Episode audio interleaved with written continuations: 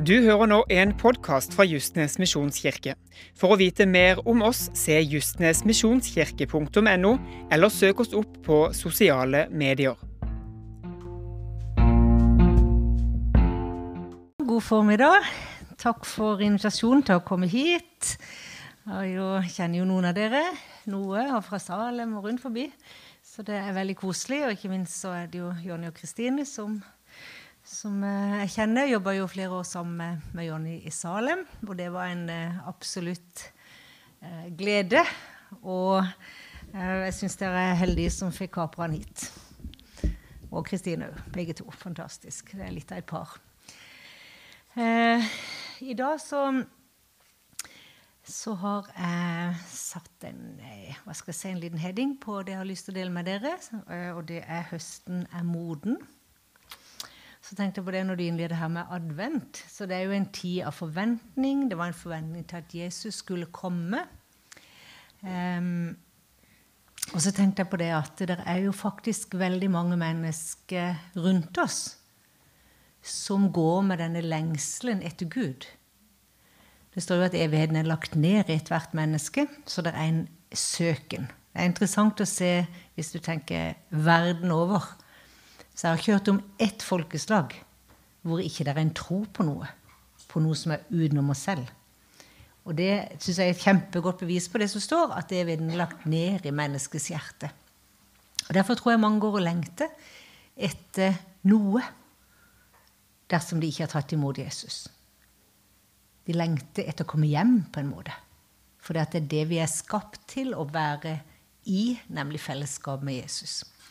Så det er jo litt spennende tanke. At folk rundt oss går fortsatt og venter på han som skulle komme. Vi vet at han har kommet, men de går og venter. Hvordan kan jeg komme hjem? Hvordan kan jeg få fred? Hvordan kan jeg komme hjem med meg sjøl? Liksom? Det er synes jeg, et spennende oppdrag, og utfordrende oppdrag, syns jeg. Eh, en uh, veldig nylig historie da, i forhold til bare hverdagen, kan du si. Det hadde ingenting med meg, med å gjøre i det hele tatt, bare et vitnesbyrd. Eh, da var det ei som jeg kjenner, som var på, på Markens. Hun var bare ute og handla og shoppa liksom, før jul. Og så, eh, så traff hun ei hun kjente, som bare sto på. Hun sto og venta på noen eh, i Markens. Og så spør hun her som jeg kjenner, skulle vi tatt en kopp kaffe på kafé. Ja, det vil hun veldig gjerne var litt forskrekka over at hun ville på kafé med henne, men selvfølgelig. Hun bare svarte veldig fint tilbake og sa at, at selvfølgelig hvis du, Det er jo mindre sannsynlig at du vil være med meg på kafé enn du skal være med meg. Og de endte opp på kafé. De satt der lenge og vel og prata. Eh, så tok hun seg frimodighet og spurte du skal ikke være med meg på møtet i kveld. Jo, det vil hun.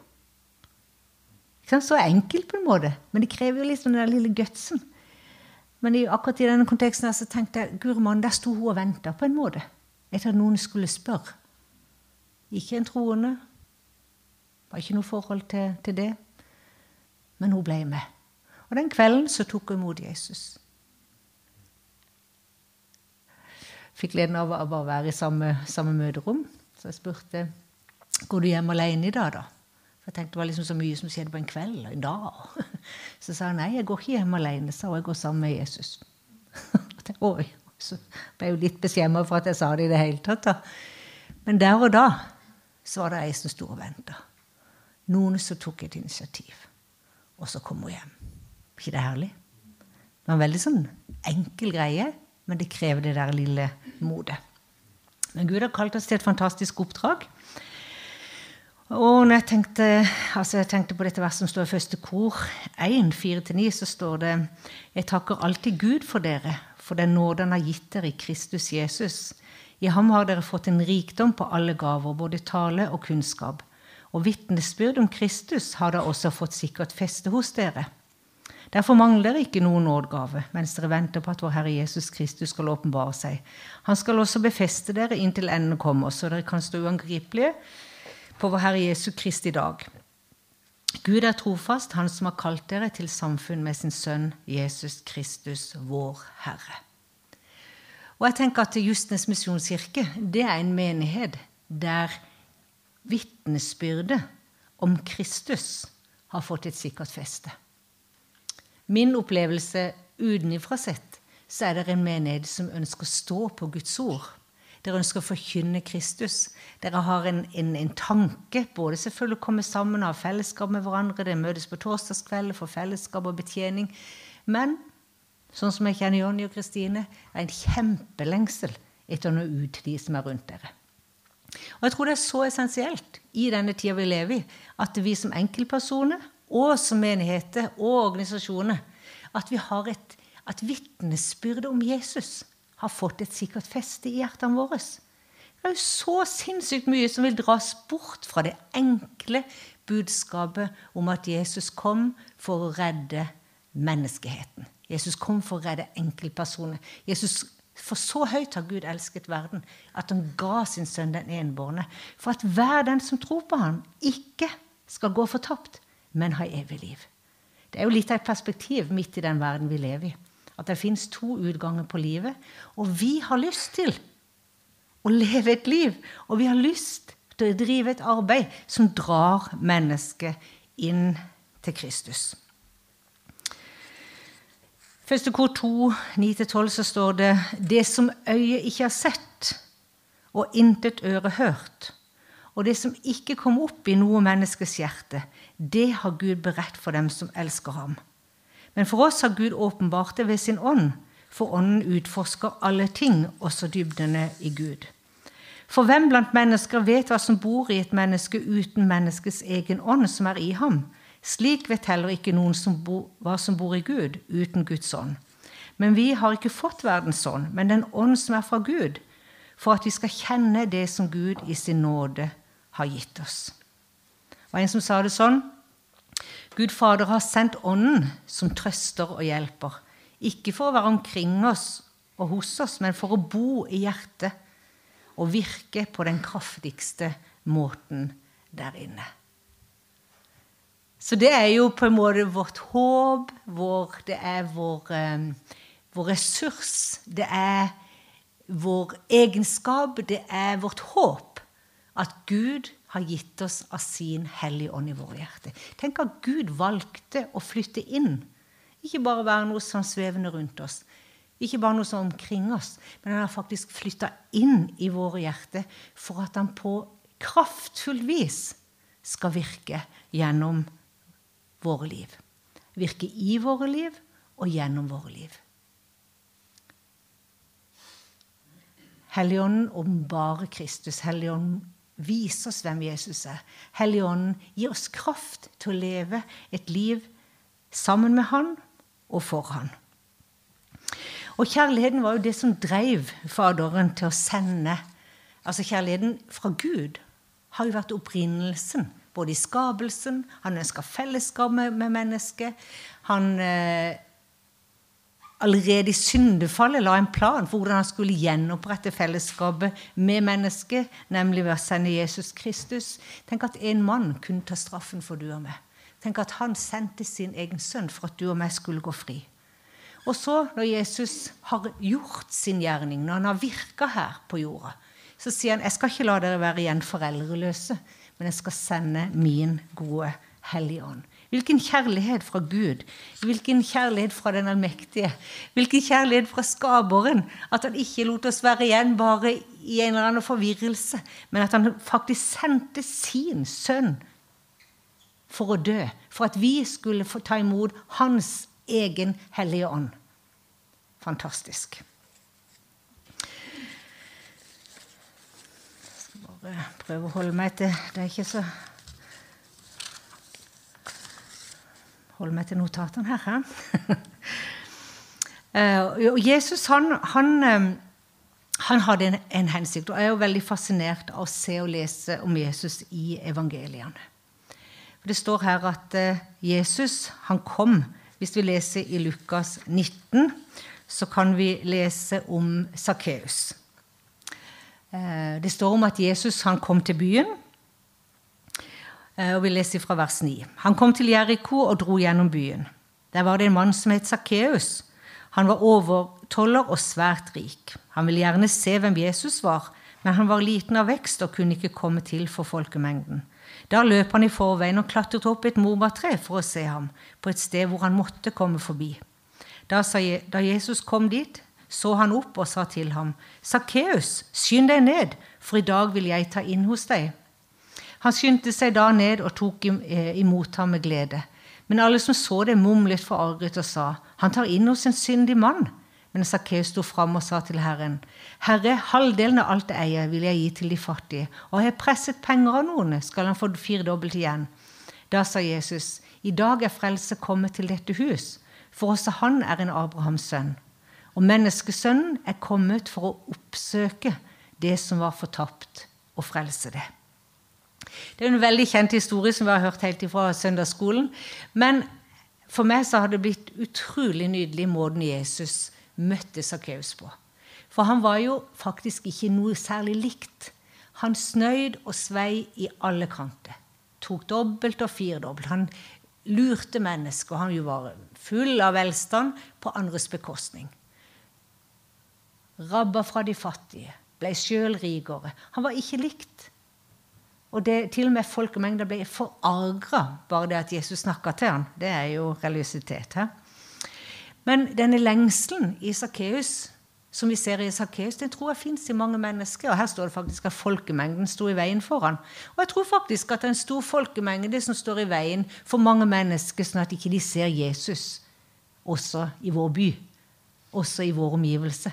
Så står kanskje jeg i veien, så står vi i veien, så står andre mennesker som har gjort noe i Guds navn, i veien for at andre skal kunne se Jesus. Men Jesus så Sakkeus. Og det er nydelig at han, han sto sånn oppi dette morbærtreet, men Jesus står at Jesus stoppa opp.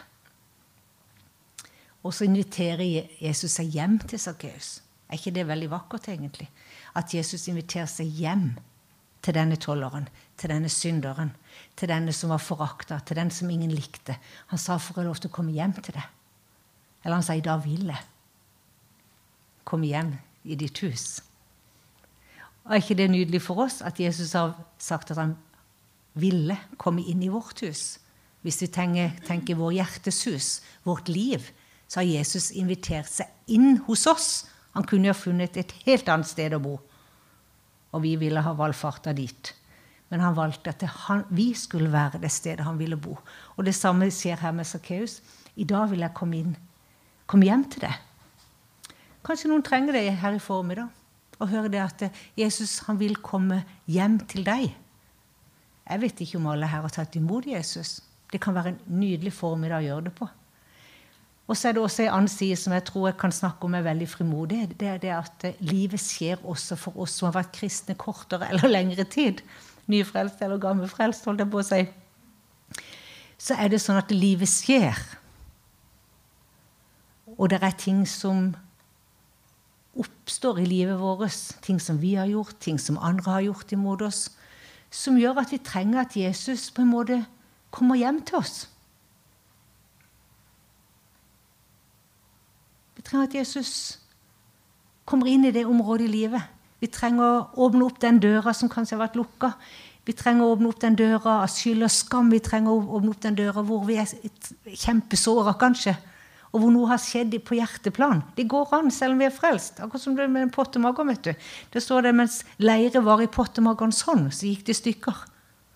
Kanskje noen trenger det i formiddag. Kanskje noe har gått i stykker i hjertet ditt. Og det skjedde mens du var en troende. Det skjedde mens du var en kristen. Mens du sto på for Jesus. Mens du er med å bygge menighet. Mens, mens. Ikke sant? Så skjedde det noe i livet ditt. Og det skjer. Det er så slikt hender med leiren i Pottermagronsson. Så Bibelen er veldig ærlig om livet, og det elsker jeg veldig, veldig godt. veldig mye elsker jeg det. At Guds ord ikke blåser ting opp. Det er veldig, veldig sånn til magen, altså. Slikt hender med leiren i Pottermagronsson. Det kan gå i stykker. Men da tenker jeg budskapet fra Jesus er at han vil komme hjem til deg i formiddag. Han vil komme inn på det området og ha måltid med det. Han vil dele liv sammen med det. Han vil gi det av sitt.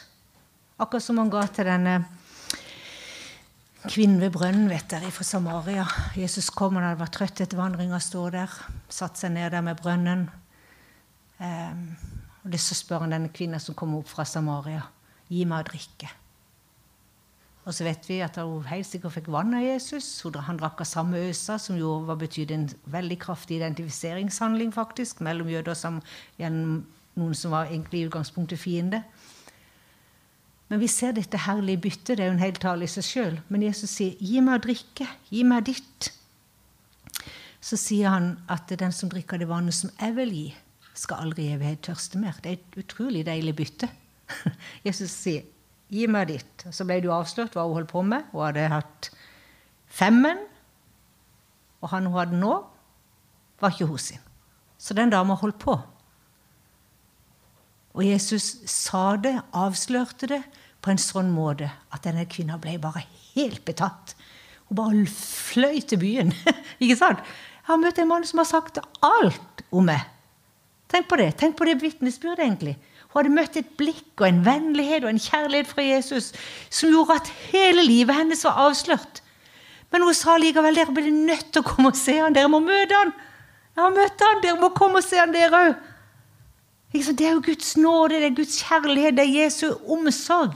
At vi får lov til å komme med alt, og la alt være synlig. Og så sier han, 'Gi meg det, så skal du få levende vann fra meg'. Det må kalles et godt bytte. Og Det som vi ser her, med, og som vi leser i slutten av det jeg leste i forhold til Sakkeus, det står det at menneskesønnen er kommet for å oppsøke det som var fortapt. Er ikke det veldig fint? At Jesus han har et hjerte for det som er fortapt. Og jeg har vært ganske mye i dette her de siste månedene. For jeg tenkte, ok, Oftest når jeg har tenkt på det, så har jeg tenkt på den som er fortapt. Og vi vet at Jesus bryr seg om den som er fortapt, når det gjelder evighetsperspektiv. Men det er også interessant at han skriver her at det er det som var fortapt bare for å bekrefte noe av det som jeg har nettopp sagt, at av og til er det noen områder, et område i livet vårt som er fortapt. Men Jesus kom for å oppsøke det i mitt og ditt liv som er fortapt. Som er ødelagt. Som er beskjemma. Som er mindreverdig. Som er skamfullt. Som er rørt ved. Og så vil Jesus at vi på samme måte som han, skal være oppsøkende. Jesus drev oppsøkende virksomhet hele tida. Han holdt jo ikke på med annet, holdt jeg på seg de tre årene som han var liksom i denne aktive tjenesten. Så gikk han rundt i byen. Han gikk fra sted til sted. Han jobba, han var til stede der menneskene var. Og så var han intensjonell i sine møtepunkt med mennesket. Og det utfordrer meg faktisk veldig å på en måte ha det står, Jesus sier det at i Johannes så sier han 'Bli meg, så blir jeg i dere'. Det betyr jo at det potensialet til å kjenne Guds hjerte, det har han lagt ned i oss. Det står I Johannes 15 så står det 'Den som blir i meg, og jeg i ham', han bærer mye frukt. Ikke sant? For et potensial. så vi blir i Han, og Han blir i oss. Så skal vi bære masse frukt. Jeg syns det er veldig herlig og litt utfordrende. For Jesus jeg har så lyst til at det skal skinne gjennom livet mitt. På søndager, på mandager, på onsdager, hele uka. At det er i deg, Jesus, og at du er i meg. Og da vil vi få lov til å oppleve at vi går i ferdiglagte gjerninger som Jesus på forhånd har lagt ferdig for oss. Jesus kom jo fra himmelen inn og på jorda. Så han gikk jo ned. Hva skal jeg si? Han gikk ned fra fullkommenhet, herlighet, Guds nærvær, fellesskap med Gud. Han hadde Alt var fullkomment. Og så velger han på en måte å tre inn i slummen blant menneskeheten. Og det er veldig sterkt, egentlig, at Guds sønn ble menneske. At han trådte sine bein på denne jorda. Hvorfor? Jo, fordi at han elsker menneskene og har gjort det helt ifra skapelsen av. Og så var han bare villig til å legge ned sitt eget for om mulig at noen vil ta imot frelse fra Gud. Og så lar jeg meg utfordre litt av det òg, for da tenker jeg jo, vi lever jo våre liv. Vi lever i våre hjem, vi lever i våre menigheter, lever i Kvinner i nettverk, som jeg jobber i. Vi lever med masse ting, og jeg jobber jo veldig mye blant troende. Men så tenker jeg Gud, gi meg nåde å trå inn i slummen. Gi meg nåde til å trå ut blant mennesker som ikke kjenner det. Gi meg nåde til å se dem. Gi meg nåde til også kjenne dine hjerteslag. For Gud har et hjerte for alle mennesker som lider.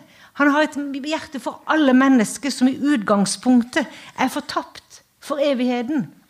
Gud ga alt. Han ga det beste. Han ga sin egen sønn for å mulig rykke noen ut av fortapelse, for så å plassere de inn i himmelen sammen med han. Vi går over fra mørkets rike og inn i Guds rike.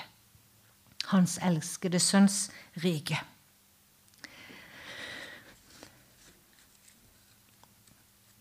Det var en som sa det sånn Hvordan vil det se ut dersom Jesus flytta inn i ditt nabolag? Hmm, det synes jeg var egentlig en veldig god setning, og så utfordra det meg veldig. For i det øyeblikket det ble sagt, så gikk det jo opp for meg ja, men Jesus bor jo i mitt nabolag. Hvorfor det? Jo, fordi jeg bor der. Mannen min bor der. Flere andre kristne bor der. Så Jesus har faktisk flytta inn i nabolaget. Forstår tanken. Fordi at vi er hans sendebud. Vi er de som skal formidle Jesus til de som er rundt oss. Vi er de som har fått kraften fra Gud til å si noe om Han til de andre. Eller leve et liv som blir så misunnelsesverdig at de lurer på hva er det med det? Hva er det dere har? Hva er det med familien deres? Hva, hva, hva er det dere bærer for noe? Hva er det? Hva er det, som, hva er det? Å skape den nysgjerrigheten blant de menneskene som er rett rundt oss. Og jeg tror at det er veldig viktig at ikke vi ikke kompliserer det. At ikke vi gjør dette å være et lys, å være et vitne, å være en representant, å være en ambassadør for Jesus. At det er så komplisert. Guds ord sier faktisk, jeg kan lese fra Romerbrev 5 også, og håpet gjør ikke til skamme. For Guds kjærlighet er utøst i våre hjerter ved Den hellige ånd, som er oss gitt. For mens vi enda var skrøpelige, døde Kristus til fastsatt tid for ugudelige. For knapt nok vil noen gi, gå i døden for en rettferdig, skjønt for en som er god, kunne kanskje noen ta på seg å dø. Men Gud viser sin kjærlighet til oss ved at Kristus døde for oss mens vi enda var syndere. Så de gode nyhetene er jo at Guds kjærlighet er utøst i våre hjerter. Vi kan føle oss små, vi kan føle oss kanskje litt ubrukelige. Hvem er jeg? Og vi sammenligner ofte våre egne svake sider med andres sterke sider. Og så på en måte gjør vi det å være et lys i verden kanskje litt komplisert. Men Jesus sier at Guds ord sier at hans kjærlighet er utøst i våre hjerter. Og denne kjærligheten den er jo bare potensielt til stede, sånn at vi kan elske mens elske mennesker mens de enda er syndere, akkurat som Jesus elsker oss mens vi enda var syndere. Det er ikke sånn at Gud elsker kun når vi har tatt imot ham. Gud elsker oss mens vi enda levde uten Gud. Ikke det nydelig? Og så så tenker jeg med meg sjøl ja, men det betyr jo at han elsker mine naboer, min familie, mine kollegaer,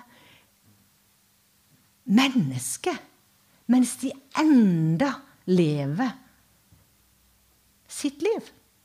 Uten Gud, uten noen regler, uten noen bud, uten noen rammer. Så elsker Gud dem mens de enda er syndere. Og så har Gud utøst den samme kjærligheten som er i Jesus sitt hjerte. Den har utøst i våre hjerter, sånn at vi kan få lov til å bringe Jesus ut til de som venter. Det er mange som venter. Det var en som jeg leste her for en stund siden litt om dette her med evangelisering. Hvordan skal det være? Og han hadde hel, et helt kapittel om vær deg selv-metoden. Og jeg syns det var en veldig god, god setning. For hvordan skal vi være da i møte med alle disse som enda venter? Hvordan skal vi, hvordan skal vi håndtere at høsten er moden? Hvordan skal vi håndtere at det sannsynligvis er hundrevis av mennesker på Justnes eller Flekkerøy eller byen som venter på å bli høsta inn? Og da syns jeg det var ganske befriende å tenke jo, hver enkelt av oss må være den vi er. Vi må leve ut den beste utgaven av oss selv i kraft av den nåde Gud har gitt oss, og i kraft av at Den hellige ånd bor i oss. Den mann og den kvinne som finner Kristus, finner seg selv. Vi er jo skapt unike, fantastiske, aldeles enestående. Og så er vi et avbilde av Gud. Ut fra den han har skapt oss til å være. Hvordan kan vi romme Gud? Summen av oss sier mer om Gud enn vi gjør som enkeltpersoner. Men summen av oss gir oss et mangfoldig, nydelig, kraftfullt bilde av hvem Jesus er. Og du og meg representerer en bit av det bildet. Og på den måten så kan vi kanskje slippe å tenke at evangelisering, eller det å være et, en menneskefisker, blir en prestasjon, men mye mer enn ut fra en relasjon til Han som har skapt oss. For tenk, Jo mer vi legger oss inn til Jesus, jo mer blir vi den han har skapt oss til å være. Og da, jo mer vi blir av den han har skapt oss til å være, jo mer gjør vi på en naturlig måte, og gir vi på en naturlig måte et uttrykk av hvem, hvem Jesus er. Så hvordan ser menneskefiskeren ut i det? Og jeg må utfordre meg sjøl, og jeg gjør det. Hvordan ser menneskefiskeren ut i deg, Elin? Hva, hva, er det Gud har lagt ned i det? Hva, hva er det som er dine eh, skal si, særegenheter? Hva er det som er din personlighet? Hva er det som er din naturgave? Hva er det som er din nådegave? Hvordan ser menneskefiskeren i deg ut? Hvordan kan jeg være menneskefisker med lave skuldre? Men og slett bare leve livet. Leve det sånn som han har skapt meg til å være. Jeg syns det er noe utrolig befriende i det. For jeg tror alle så er vi lys. Alle så bærer vi Kristus. Alle så bærer vi noe som de som er rundt oss, trenger, og som skal være med å lokke de, holdt jeg på å si, på en god måte inn til Jesus. Så hver enkelt av oss bærer en skatt. Hver enkelt av oss bærer noe ekstremt verdifullt for mennesket som går i sin adventstid og venter på Han som, skulle, som skal komme hos til dem. Jesus, han han skygga ikke unna noen syndere eller noe mørke. Jesus kom fra sin himmel inn i menneskets mørke. Hanne William Booth sa 'Go straight for souls and go for the worst'. Og han mente også at uh, Guds kjærlighet var å elske mennesket gjennom handling. Og jeg syns det er fantastisk det som står i Matteus 25. Jeg skal avgå til nedforlanding med det. Der står det at eh, men kongen, så skal kongen si til dem på sin høyre side.: Kom hit, dere som er velsignet av min far, og ta i arv det rike som er gjort i stand for dere fra verdens grunnvoll ble lagt. For jeg var sulten, og dere ga meg mat. Jeg var tørst, og dere ga meg drikke. Jeg var fremmed, og dere tok imot meg. Jeg var naken, og dere kledde meg. Jeg var syk, og dere så til meg. Jeg var i fengsel, og dere besøkte meg. Da skal de rettferdig svare. Herre, nå så vi deg sulten og ga deg mat? Eller tørst og ga deg drikke? Når så vi deg fremmed og tok imot deg, eller naken og kledde deg? Når så vi deg syk eller i fengsel og kom til deg? Og kongen svarte, Sannelig, jeg sier dere, det dere gjorde mot en av disse mine minste søsken, har dere gjort imot meg? Og det er et av de nydeligste kapitlene for meg i forhold til hvordan er det Jesus tenker om mennesket. Jo, han har en 100% identifisering med du og meg, men også med de menneskene som er rundt oss. Så sier han alt det dere gjør mot en av disse som dere møter i hverdagen, hjemme, nabolag, jobb, på fritid, whatever, det gjør dere mot meg. Tenk på det. Å kunne legge litt, en liten aksje inn her og en liten aksje der, inn i menneskets liv. Og tenke ja, jeg gjør det mot det. Men enda dypere, og som skulle gjøre oss enda mer glad, det er at vi gjør dette for og med og til Jesus. Hvorfor? Jo, fordi at når han hang på korset, så identifiserte han seg med alle mennesker. I alle deres hendelser i hele deres liv, så identifiserte han seg. Og det betyr at når vi betjener de som er rundt oss, så betjener vi faktisk han. Det er ganske sterkt. Det er veldig kraftfullt.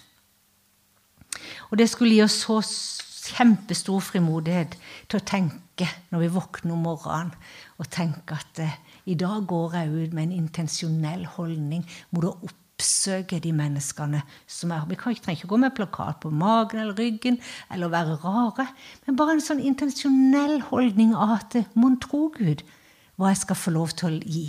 Mon tro hvordan jeg skal få betjene deg da, Jesus.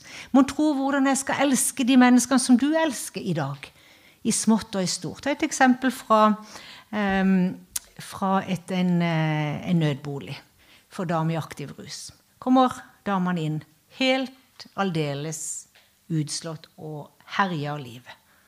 Noen kommer en uke, noen bor tre måneder, noen bor et år. En god del kristne på jobb. Et eksempel. Ei ung jente kom.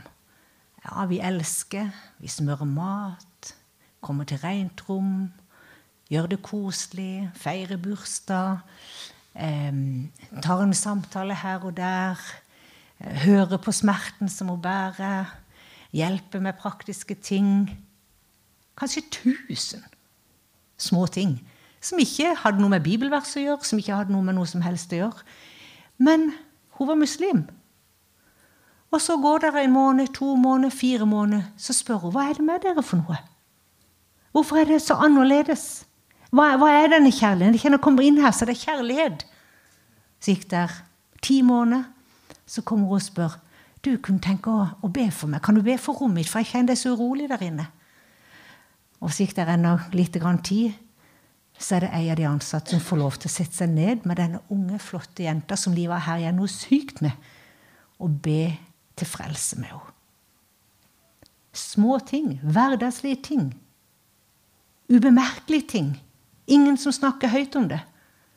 Men drypp for drypp for drypp så fylte hennes hjertespeger seg opp så mye at hun til slutt ikke kunne stå imot den kjærligheten som de som var rundt henne, ga. Og jeg tror Jesus sender oss ut til å være, ikke være så opptatt av resultatet, men være opptatt av å tenke på at den jeg er, betyr en stor forskjell for de menneskene som Gud har satt rundt meg. Så vi vil ikke som menighet, vi vil ikke som arbeid være opptatt av de som ikke er tørste, ikke er sultne, som ikke erkjenner noe sykdom eller noe bundethet. Det er så fort å bli motløse. Vi sier det er så stengt i Vesten. Jeg tror ikke det er så stengt i Vesten. Jeg tror ikke det er så stengt på Sørlandet. Jeg tror det er hvis vi setter blikket på de fangne, de sultne, de tørste, de syke, de fremmede, de som ingen vil ha med å gjøre. Hvis jeg våger å gå ut på en måte, i vår tids slum, gå ut til de menneskene som ikke kjenner Jesus, og som faktisk gir til kjenne at jeg har et behov. Vi var nettopp i Sør-Afrika. Gikk vi på husbesøk. Blir jo grusomt frimodig i Afrika. Irriterer meg litt. Jeg hadde ikke turt å være så frimodig hjemme. Men der, vet du, vi går på husbesøk. Vi var fem, i fem hus. To ble frelst. To ble helbreda. Jeg opplevde kraftig utfrielse og helbredelse på samme tid. Vi kom der på ei dør. Ung gutt kommer ut. Først han sier når han ser oss, 'Kan dere be for meg, for jeg har det så vondt i brystet mitt?' Ung mann. Og bundet alkohol. Strevde, hadde en kristen familie. De hadde vært på huset der flere ganger. Plutselig var han klar. Hvorfor det? Jo, for han, var, han kjente på noe i kroppen sin. Han var redd. Kan dere be for meg? Tok imot Jesus der og da. Er det ikke nydelig? Enkelt, men at noen kom og banka på. At noen inviterte, at noen turte å snakke om Jesus, gjorde at han kom hjem til far. Da er tida gått, og så skal vi bare be en liten bønn, og så gir jeg ord til deg. Far i himmelen, takk for at du har kalt oss. Takk først og fremst for at du har frelst oss. Takk for at du har fylt oss med din Hellige Ånd. Takk for at du har gitt oss det, den tilliten og det oppdraget at vi skal få lov til å se hvor høsten er moden rundt oss, Herre. Så jeg bare ber om at vi må være svaret for noen denne adventstida og i det året som ligger foran Jesus at noen eh, får lov til å komme hjem. At de får lov til å se at du, du kom, Jesus. Takk deg, Herre, for denne forsamlingen. Takk deg for menigheten. Takk for at du skal fortsatt velsigne de og bevare de og beskytte de, Herre Jesus. Så bare ber om at vi skal få lov til å kjenne et rungende 'Herre, her er jeg, send meg' hos den enkelte av oss. I Jesu navn. Amen. Du har nå hørt en podkast fra Justnes misjonskirke. For å vite mer om oss, se justnesmisjonskirke.no, eller søk oss opp på sosiale medier.